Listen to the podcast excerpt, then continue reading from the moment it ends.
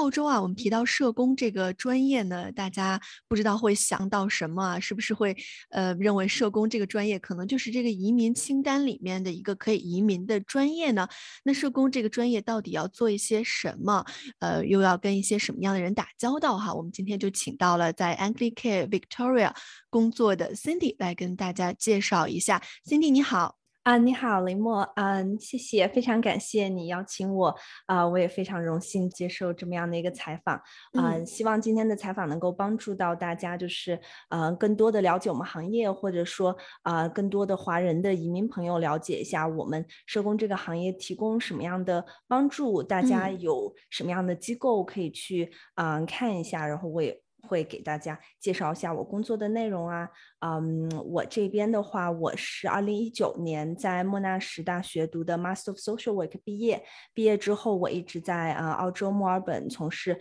社工方面的相关工作，到现在应该是两年半左右的时间了。嗯，那我想先问一个问题啊，就是呃，你之所以选择读社工这个专业啊，是不是也是像我们很多人有一个印象，就是这是一个可以移民的专业，所以说选择了念这个专业呢？呃，我的经历其实比较有意思。我在国内的时候，我本科学的是嗯商务英语，就是语言英语方面比较相关的。然后嗯，大四毕业的时候，本来是打算在国内考研，然后当年考研失败了，我爸妈就说：“你看，在国内学了这么多年的英语，要不去国外的一个英语国家啊念一个研究生？”我第一年，二零一七年过来的时候，是在墨尔本大学念的一个嗯教育学院的一个研究生啊。当时是一年半这样的一个学制啊，在。就是来到澳洲之后，二零一七年在这边生活的过程当中，我觉得自己嗯比较想留下来，想要在这边有一份自己的事业，嗯，但是我们学的你知道英语这个专业在这边就是非常受限制，也没有太多好的就业方向。我其实当时就自己研究了一下，觉得我可以选的专业其实就是嗯成为幼教或者是中学教育做中学老师，或者就是社工，在这几个比较符合我本科背景的里面，我选择了做社工，因为我。觉得自己的性格比较适合和人沟通啊，然后我也相信每个人都有能力可以改变他们的生活，我也希望可以能够帮助到需要帮助的人，这是主要原因，主要我选择社工的原因。那你选择社工这个专业之前啊，对这个行业有没有一些什么样的了解呢？嗯，其实我觉得了解是很有限的。当时我在啊墨尔本生活了不到一年的时间，读的也是教育学院的啊这么样的一个专业。嗯，那我觉得真正对社工的了解，其实是在上学之后。啊，甚至是真正毕业了开始工作，才有一个比较全面的了解。我觉得这里值得说的一点就是，如果对呃学习社工感兴趣的同学，我们 Master of Social Work 这个社工研究生是一个两年制的学位，里面会包括两个全职实习，就第一学年和第二学年都会给你安排一个三个月的全职实习，基本上会给你安排做呃社工相关的工作，然后会有很很有经验的社工带着你，相当于一个实习的这么样的一个经历，在这两个实习。的经历当中，我觉得大家都会找到自己未来想要工作的方向，也会对社工这个领域就真正的有一些比较直接的了解吧。就是去前线去工作，这个是比较特别的。我觉得，嗯，我们这个研究生的学位很好，有这个实习的机会，就是可以体验一下自己到底是不是喜欢这份工作，对吧？对对，是的。这两次的实习机会都是学校帮助你们找的吗？还是需要你们自己去找呢？呃，我当时在莫纳什上学的时候，据我了解，别的学校都是嗯，学校给你安排社工的研究生学位，他的实习是啊一门课程。就是它是有 credit 有课程，我们其实作为学生，我们是要去交学费来上这个课程的，所以学校是把它当做一个课程这样来安排。每一个人的实习都是学校给你安排好的，你不需要自己出去找，就等待被安排就可以了。嗯，那有有了这样一个实习的经历啊，是不是对于你之后找工作也是非常呃有利的一段经历呢？对对，没错，因为其实。我们嗯，特别像我们留学生，可能成长生活在不同的国家，来到澳洲之后，其实我们对澳洲的整个社会文化、语言习惯，还有整个社会的福利结构，我们都是不了解的。我觉得这个嗯，实习的经历是对我们很好的一个提高，语言方面也是的啊。平时上学是一个全英文的环境，但它毕竟是一个学习的环境，就不是一个工作的环境。而且你在实习时候的这些经历，你是可以写到简历上，然后在找工作的时候说，哎，我。在这个地方做了这方面的工作，做了三个月，那其实在找工作的时候也是一个很好的一个经历。嗯，那其实对于留学生找工作来说，我们知道有一个嗯非常大的痛点啊，就是如果你没有身份、没有这个 PR 的话呢，很多地方可能是呃比较不喜欢招这种没有身份的学生啊。但是呢，反过来说哈，如果你没有工作经历，那你想要移民的话，可能也是有一定的难度啊。呃，那你当时作为留学生的时候是怎么处理这个问题的呢？啊，对，好像这就是一个千古难题哈。很多地方 就据说，据说很多地方是啊，没有 PR，就是没有身份，嗯。找不到工作，但是现在的移民的趋势是你必须得有一些澳洲本地的工作经验，证明你有这么样的一个能力，能够在本地找到对口的相关工作，才可以拿到 PR。嗯，就我毕业的时候，二零一九年十二月份，啊，那个时候我没有很担心说自己因为没有 PR 不敢出去投工作，因为啊，我在实习的时候，我的两个导师也告诉我说，其实，在社工这个领域。并不是卡得很死。我身边的很多国际留学生，不仅仅是中国国际留学生啊，有印度的同学啊，有巴基斯坦的同学啊，各个国家的同学，我们基本上都在毕业之后几个月之内都找到了工作。啊，当时我们读的两年的啊这个研究生毕业之后是有一个四八五两年的工签。我其实是在拿到工签之前还是学生签的这么样一个状态就找到了工作。很多同学是拿到工签之后，工签虽然只有两年，但是大家也顺利找到了。工作，嗯。因为我感觉很多中国学生就会觉得说啊，我找工作我就要干一辈子，但其实，在澳洲这边很多啊，contract 的工作是六个月、八个月、十个月甚至。十二个月，还会有像我们很多同事，我们这个行业女同事比较多，大家去休产假，可能休六个月、休十二个月，他会临时找这么样一个人来做这十二个月的工作，那你有两年的工签，其实就不用太担心签证的问题。我是鼓励大家去去投工作，不要自我限制了自己，就是自己在这里坐着想啊，我没有 PR 不敢去投工作。但其实出去找一下的话，会发现啊，在我们这个行业，PR 并不是限制你找工作的一个因素，是这样。嗯，那你刚才也提到了，在呃没有拿到 PR 呃这个永久居民的签证之前啊，你就已经找到工作了。那这样一个工作是临时性的工作，还是说已经是一个呃可以就是一直这样持续做下去的工作呢？我当时的工作，嗯，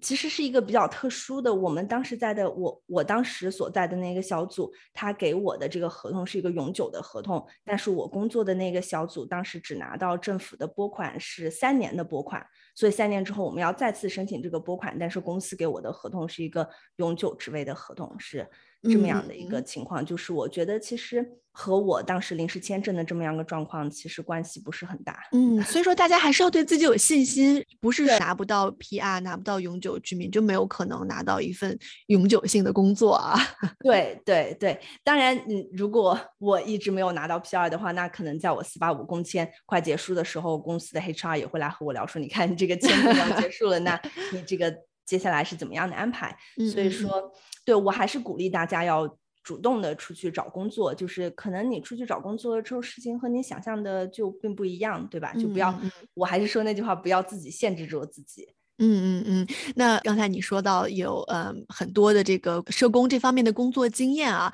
呃，那接下来能不能再跟大家聊一下你的工作啊？跟大家介绍一下社工这个工作到底是做些什么呢？OK，像我刚刚说的，社工主要就是我们是帮助社会上需要帮助的人。呃，我个人觉得社工是一份非常有价值、有温度的职业。嗯，像社工的话，我们有很多很多可以工作的领域。像实习的时候，你被安排到这些领域，可能很大情况下就影响了你毕业之后可以去这个领域工作，因为你已经有一定的。啊，理解和有一定的工作经验了。嗯嗯，主要我我个人归纳的哈，当然我们在上学的时候，并没有人出来给我们解释说，你出去找工作有这么这么多个领域你可以去选。但是我自己在工作的过程当中，我总结了这么一些啊呃社工的毕业生可以去找工作的领域，大概是有第一个是政府的儿童保护部门，就是 Child Protection 啊，然后还有就是 Parenting 这边的社工是 Family Service，有很多 Family Service Program，也是有很。多政府的 funding，然后家暴领域 family violence 这个领域。然后，hospital social worker 医院社工就是医院里面很多公立医院、私立医院都设有社工的这么样的一个职位。然后，嗯，戒毒戒酒这个就是 AOD 这个这个领域也是有社工的。然后，心理健康咨询 mental health counseling 啊，然后养老院 HK 啊，然后残疾人就 disability 主要是帮助啊这些客户啊管理他们的 NDIS 这么样 funding 的这么样一个个工作。内容，然后难民这边其实也是有很多社工在帮助他们开始一个新的生活呀，帮助他们就是给他们转接到一些他们需要的资源呀，因为难民他们是一个非常脆弱的一个群体。啊，还有就是啊无家可归的人。嗯，那就是像你刚才说的，社工就是帮助社会上需要帮助的人，就是 比较有很多人，嗯嗯，是的，是的，而且很多人他不是说一辈子都需要我们的帮助，他可能这个时候正好经历了一些很大的挫折、很大的困难，他这个时候就很需要一部分帮助。是这样，嗯，像你提到这个领域也是非常的广泛啊，对，从育儿啊到家暴啊，再到这个难民啊，那能不能再给我们介绍一下啊？这个社工主要的这个工作职责呀和工作内容啊，呃，都包括什么呢？对对，像我刚刚说的，嗯，社工工作领域非常的广泛，每一个每一个职位，我刚提到的这些不同的工作的领域，每个职位做的事情都不太一样。但是我自己，我也是自己归纳了一下，嗯，正常来说，社工主要做的事情就是这四个方面。首先，你是对客户的情况做一个评估，嗯，或者说给他们提供一些咨询的服务，啊，第二点呢，就是写计划。有一些客户他在你手下管理他的这段时间内，你需要给他写一个呃计划，需要给他。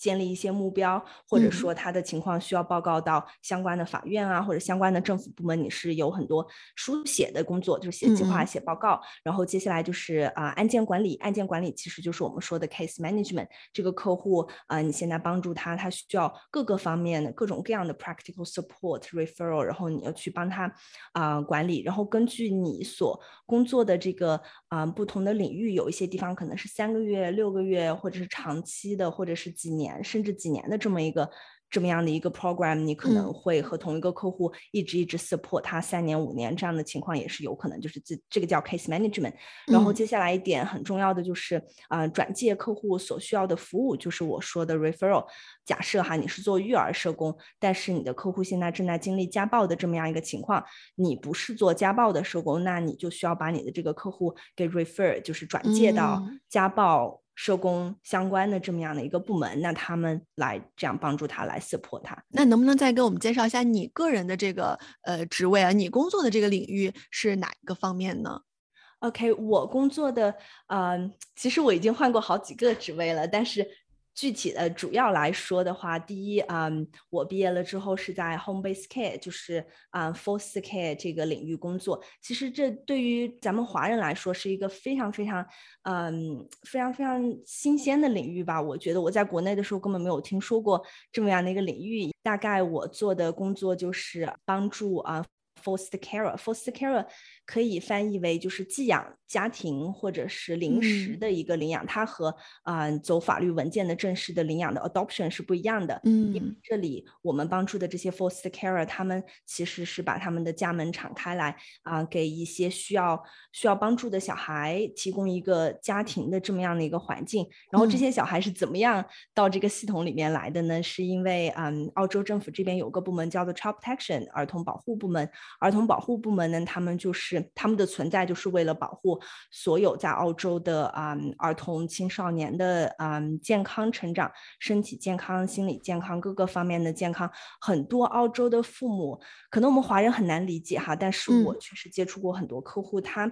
这个时候他成为了父母，但是他没有办法照顾好他的小孩，就是他虽然。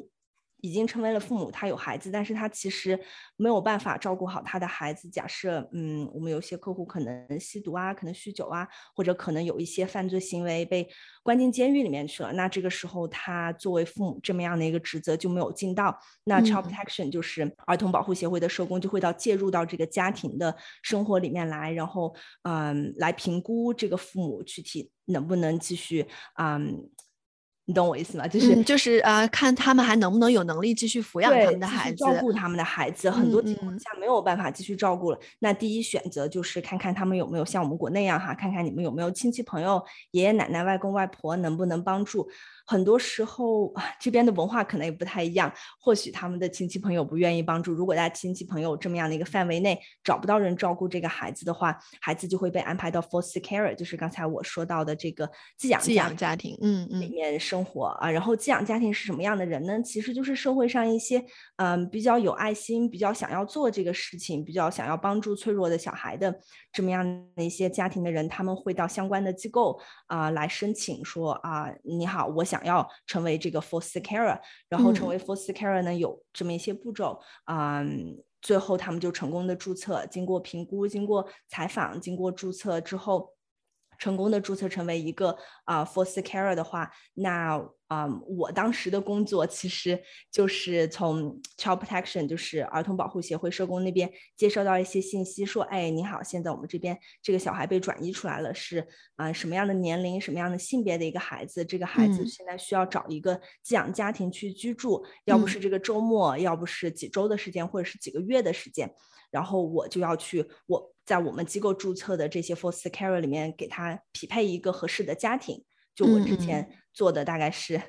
这么样类型的一个工作。那就你的这个工作经验来说啊，有没有碰到过一些呃咱们华人背景的这个爱心人士啊，呃想要就是成为或者已经注册成为了这个 foster care，就是呃寄养家庭呢？我没有没有见到过，我之前有接触过一些客户，他们是有啊马来西亚华人背景的，可能会说一点点普通话或者粤语啊，但是从咱们中国来的华人移民，我是没有 没有见到过，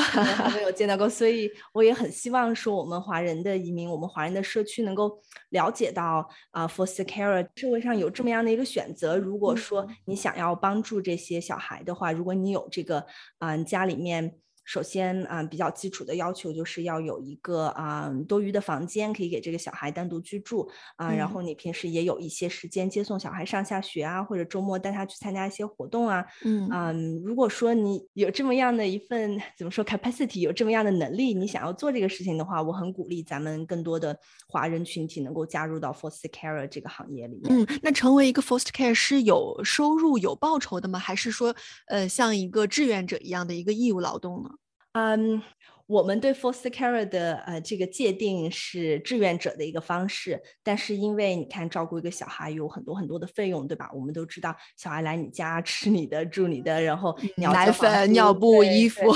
各种各样的费用的话，总体来说啊，你注册成为 foster care，政府这边在你照顾这个小孩的期间，政府这边是会给你一个嗯补贴这么样的一个形式，就钱比较少，大概只能够。基本上就是 cover 这个小孩住在你这里的开销吧，但是我们不会期待你给这个小孩，比如说啊买个电脑啊，或者说买个自行车呀，这些很大的开销是政府会买单的。就是如果你觉得说，我觉得这个孩子需要买个自行车，嗯，那几百刀的这么样一个费用，政府这边会替你出。这个小孩去上学，他没有嗯，他没有校服，或者说他要买书，就是这些小孩的比较大笔的开销，政府会为你报销的，是这样的一个情况。嗯，那其实这个工作还等于说是一个没有报酬的工作，对，是一个志愿者的形式。嗯，我想靠这个成为一个事业，然后来赚钱，嗯，赚不了钱的。嗯，但是如果大家有嗯有这样的能力哈，家里面有一个多余的房间，呃，或者是嗯觉得想献出一份爱心吧，呃，那他们能够通过什么样的方式成为这个 foster care 呢？对，成为 foster care 的话，其实还是蛮长的一个一个过程，因为我们想要确保每一个进入 foster care 这个系统里面的人都是真正有这个有这个能力去去照顾好一个小孩的，因为你所接触的这些小孩，他们原来在自己的原生家庭里面已经受过很多的创伤，父母可能对他们也不好，然后父母给他们也。造成了很多负面的影响。我们想要确保，嗯，成为 foster care 的人都是啊，能够有同情心，能够有包容心，能够真正的帮助到这些小孩的成长，这么样的一个人。所以，嗯，基本上分为三个步骤吧。第一个步骤是，如果你感兴趣的话，可以去，嗯，我这边可以给大家推荐一个网页，叫做 Fostering Connections，它是啊，维州地区的一个集合了所有 foster care。这边机构的资源的一个一个网页，你可以去这个网页上注册，然后会有你居住地方的相关机构来和你联系，然后邀请你去参加他们的叫做 information session，就是 information sharing session，就是一个信息分享会，你可以去问问题，你可以啊去了解一下大体是什么样的一个流程。如果你决定想要成为 Force Care 的话，啊，那接下来就是要参加一个两天的免费课程培训。这个培训结束了，你通过之后呢，啊，还会有社工来一对一或者是一对你们夫妻两。两位啊，对你们进行一个采访。这个采访其实包含的内容非常非常的广阔。我本人也做过很多采访，就是我也帮助过很多申请者，最后成功的注册成为了我们的 Foster Care。嗯，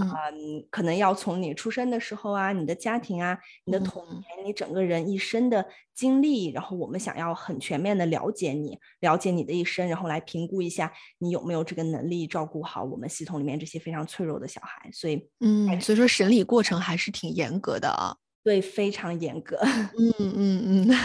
那不过我们还是鼓励大家啊，如果真的是嗯觉得自己可能。如果一个人或者是孩子已经长大了，比较孤单，对，想要一个呃小孩儿来给这个家庭增添一点乐趣的话呢，也不妨去尝试一下，看看是不是对，可以。其实也是一个很，就是也也会是一个很 rewarding 的过程。我之前工作的机构啊，我之前在 Uniting 工作啊，我们有很多啊很多的 foster care，其实做 foster care 做十几年了，十几二十年的都有。嗯，之前有一个小朋友，他在两三岁的时候就住到这个 foster care 家，一开始说是一个短期的，但是因为后面家里面发生各种各样的变故，他一直和这个 foster care 住到十八岁。十八岁之后，他自己搬出去上大学，周末就像是他自己的亲戚朋友、父母一样，就经常回来回家来吃饭，就他们是，就真的是一辈子的一个像家人一样，对，非常美好的一个回忆。因为你想作为一个 foster care，你看这个小孩两三岁的时候没有父母，无依无靠来到你家里，然后你一直把他抚养成人，其实这是一个。是一个很美好的经历，我觉得，当然也要看大家的能力。如果说你做非常非常的忙，周末也有自己的事情的话，那当然我也不建议。嗯啊，如果说这是一些嗯，你想要献爱心，你想要帮助一些社会上系统里面很脆弱的小孩，我觉得这是一个是一个很好的办法，是一个非常好的一个呃机会，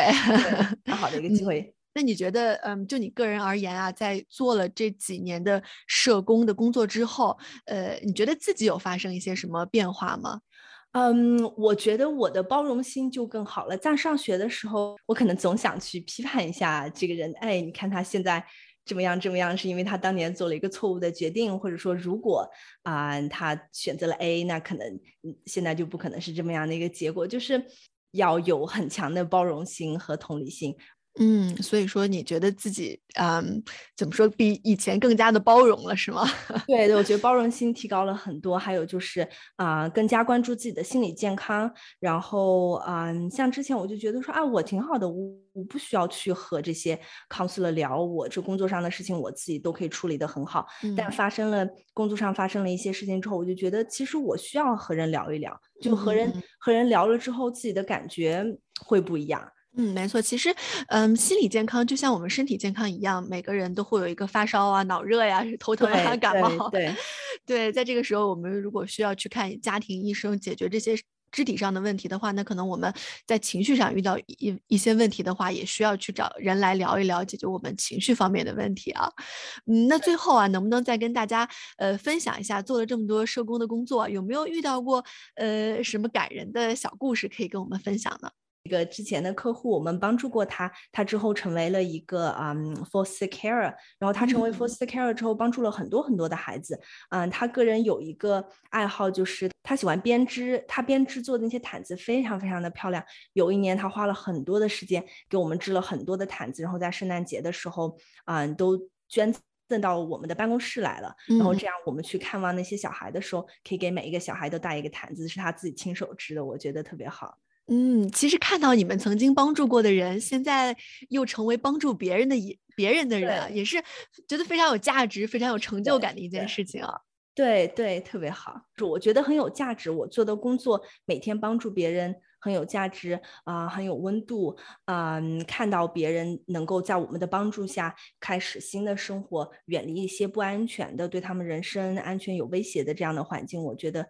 是非常好的。嗯，所以说，嗯，我们可能很多人看到这个社工的工作会跟呃很多不好的事情打交道，比如说家暴啊，或者是青少年问题。但是真正的帮助到了一些人，看到他们呃接受了自己的帮助之后有所改变，也是非常开心的一件事情啊。那我们也是希望有更多的人呃会去选择做这样一份有爱心的工作啊。对对，没错。我希望更多的华人，不管是留学生也好，或者已经在这边生活的人，可以啊加入我们这个行业啊。像其实我感觉，嗯，咱们华人就总觉得说，你工作的这是一个 non for profit，是一个非盈利性组织啊，是不是待遇特别差？或者说，呃，做这个是不是就是一个志愿者的形式啊？我想说的是，在澳洲社工其实是一份，嗯，我觉得收入还 OK 的工作啊。对于我来说，可能我们。不像一些很成功的人年入百万，网上很多人分享的。但是我觉得，就我们做的这样一个嗯工作来说，就工资待遇方面，我想要让大家知道，就是这不是一个志愿者的形式，我们确实有一份不错的收入。嗯，像。我不知道大家感不感兴趣哈，我可以分享一下。呃，我们社工这个行业主要的呃工资收入是按照一个工资表，就是政府其实规规定了一个工资表，叫做 Sheds Sheds。我大家可以搜索一下，或者我们可以把这个啊链接放到文章里面，也可以大家可以看一下。像刚毕业的社工的话，年薪大概七万多或者八万多这么样的一个状态。呃，我现在是做到了一个 Senior 的职位，年薪是在九万多这么样的一个一个一个状态。我觉得对于我一个留学生，然后技术移民，我在这边工作也才两年多的时间，对于这个薪水我自己是比较满意的。嗯，我也希望想要从事这个行业的人不要有一些误解，说我们可能是做一个没有薪水的工作啊，志愿者这样一个形式。我希望大家能够了解到，我们这个行业的工资其实是不错的。其实这个工资的水平，我们是可以在网上查到的，对吧？都是公开的。是的，是的，而且我们的招聘广告都是非常透明的，每个招聘广告都会很清楚的写这个职位是是什么样的一个工资啊状况。嗯，其实你提的这点我觉得特别好，不光是社工的这个工资是公开的，其实在澳洲各个行业的工资标准都是非常公开的。就比如说你要是做一个呃服务员，在酒店业或者在餐馆工作，这些工资都是公开的。如果说大家觉得自己的工资可能呃没有达到这个最低的工资标准，大家其实都可以去网上来查一查，看看对对呃自己的工资是不是达到了行业的这个标准啊。对对，没错。嗯，好的，那我们今天也非常感谢啊，Cindy 跟我们分享了很多自己的经历啊，呃，作为留学生的经历以及工作的一些经历。那也非常感谢啊，Cindy 跟我们分享了如何成为这个 Foster Care 非常有意义的一个临时寄养的这样一个工作啊。再次感谢你，谢谢，谢谢，谢谢，谢谢大家。